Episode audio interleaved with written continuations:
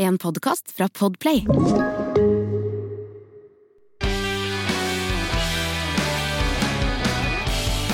To helsemegger og én podkast. Helsemeggene tar tempen. En podkast til å le og gråte av. Og i dag Helene, så skal det handle om noe som har vært aktuelt helt siden, i hvert fall siden 12. mars 2020. Koronaviruset, covid-19, er sykdommen, og sykehusene fylles periodevis opp. Ja, og det har du jo ikke plass til.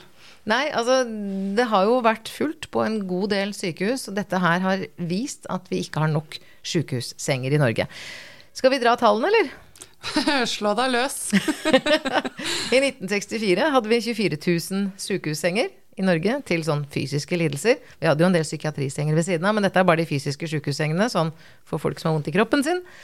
Og da var vi 3,5 millioner mennesker. Nå er vi 5,4 millioner mennesker, og nå har vi under 11 000 sykehussenger igjen. Så vi har kutta og kutta og kutta. I intensivpleien så har man jo en del respiratorer, og det er disse intensivsengene vi har trengt mest under koronapandemien.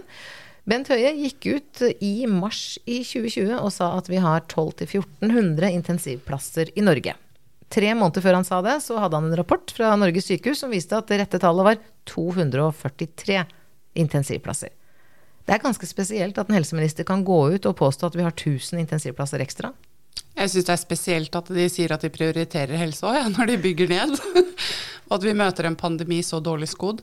Én ting er sykehuskapasiteten, men det vi ser også med korona, er jo hvor, eh, hvor hardt de eldre lider. Fordi at eh, eldreomsorgen har også blitt bygget ned. Sykehjemsplasser og institusjonsplasser, helsehus, avlastning. Mm. Det har også blitt eh, redusert. Og nå har vi hatt et eh, behov større enn noensinne. I Oslo så ble det utsendt i 2020 en sånn um, oppfordring fra helsemyndighetene om at folk som bor på sykehjem, hvis de får covid-19, så skal de som hovedregel bli på sykehjemmet og skal ikke på sykehus. Ah. Og det er klart at man har ikke respiratorer og god intensivpleie på sykehjem. Sykehjem har ikke kapasiteten, men allikevel så skulle man la pasientene bli på sykehjem. Og det er jo ene og alene for å beskytte den sårbare, bitte lille kapasiteten vi har på sykehusene våre. Er dette god helsepolitikk? Nei, det er forferdelig helsepolitikk. Selv om vi vaksinerer, så vil det jo allikevel være smitte i uh, samfunnet. Det er de eldste som har blitt prioritert for uh, vaksine, og det er jo ikke umulig at det er derfor vi ser yngre pasienter nå. Det kan man jo håpe, uh, at det betyr at de eldre ikke har blitt like syke. Men vi ser jo at vi fremdeles har et behov da, for intensivplasser. Hvordan står det til på ditt sykehus, Kalnes i Østfold?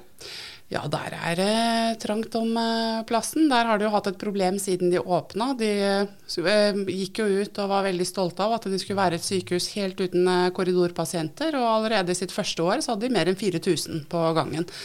Og sånn er det jo fremdeles. 16 000 mennesker ligger på korridor hvert år på Ahus, som ble åpnet i 2008. Så var det dimensjonert for 340 000 innbyggere som de skulle betjene. I dag så har de nesten 600 000. Så det sier seg selv at sykehusene har blitt bygd for små, kapasiteten er for liten, og under en pandemi hvor veldig mange trenger sykehushjelp, ja, så blir det underkapasitet. Men det har jo ikke vært noe parti på Stortinget som syns at helse har vært viktigst, så da har man jo ikke prioritert helse, da. Nei, det er jo bare viktig før en eh, valgkamp, det, vet du.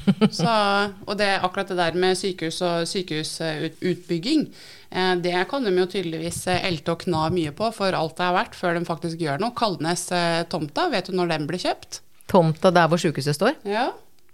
ja hvis det ble åpna for fem år siden, så kjøpte de vel tomta for sju år siden, da? Åtte år. tomta på Kalnes, den ble kjøpt i 1867.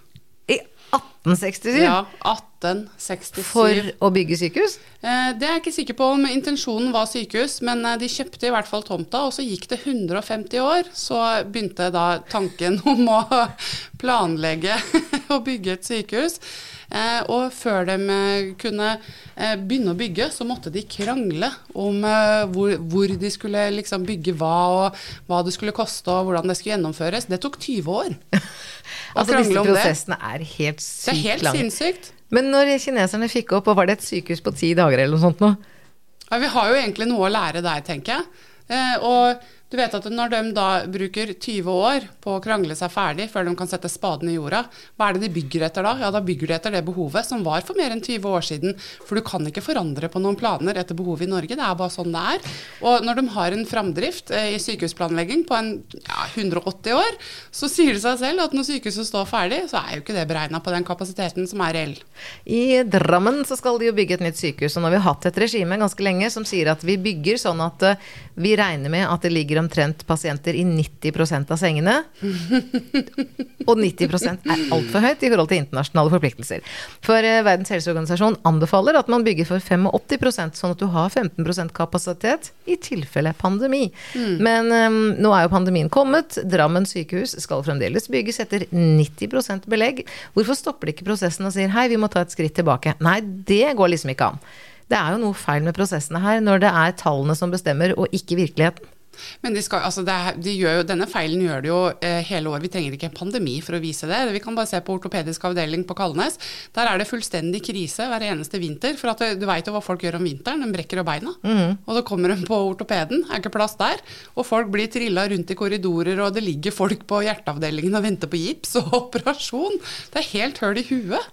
Da jeg var kreftpasient i 2011, så lå jeg også på korridor. Så det er jo ikke bare brukne bein som havner på korridor, det er kreftpasienter og mange andre òg, det. Ja. Ja, hva skal hun gjøre med dette her da, Helene? Eh, vi er nødt til å få Helsepartiet i posisjon, faktisk, sånn at vi kan eh, eh, stille politikerne litt mer ansvarlig og, og, rett og slett gå litt mer opp i skjortekragen på dem. De er ikke så redde for oss når vi sitter her hjemme. Jeg tror vi må inn og skremme dem litt. Ja, Det er ofte demokratiet, det. Men vi har i hvert fall et politisk verktøy nå. Helsepartiet stiller til valg over hele Norge i høsten 2021. Så da er det egentlig bare å begynne valgkamparbeidet, da. Skal vi lage en podkast? ja, hvorfor ikke? Jeg vil i hvert fall inn på tinget, for eh, jeg er jo ikke mer enn ti minutter unna Kalnes. Så eh, jeg har i hvert fall et par saker jeg gjerne skulle løfta fram. Og så har du jo sett resultatene av underkapasiteten. Du har sett eh, det som VG har behørig dekka i det foregående året, nemlig at pasienter blir kjørt hjem hele natta fordi de har overbelegg. De trenger sengene til sykere folk. Hva skjer i hjemmetjenestene når pasientene blir kjørt hjem midt på natta? Det er jo ikke kapasitet i hjemmetjenesten heller til å ta imot folk til alle døgnets tider. Det er jo én ting. En annen ting er at det er jo ikke forsvarlig å transportere folk hjem på natta. Og jeg syns det er en uting at de skal gjøre det med eldre mennesker som er sårbare. De har vært syke, noen av de er kanskje demente. De er eh, aleneboende. Eh, og du kan jo ikke ringe pårørende kvart over tre på natta og si at nå kommer mora di hjem, har du nøkkel? Det er helt blåst. Og noen blir jo faktisk sendt hjem i drosje også. Har du opplevd hjemmetjenestene noe sånt nå? Ja da. Det, alle har opplevd det. Jeg opplevde også at eh, sykehuset eh, ringte meg da jeg var høygravid for å fortelle at min svigerfar skulle sendes hjem i drosje til en annen kommune. altså og at jeg måtte kjøre til den kommunen for å møte han.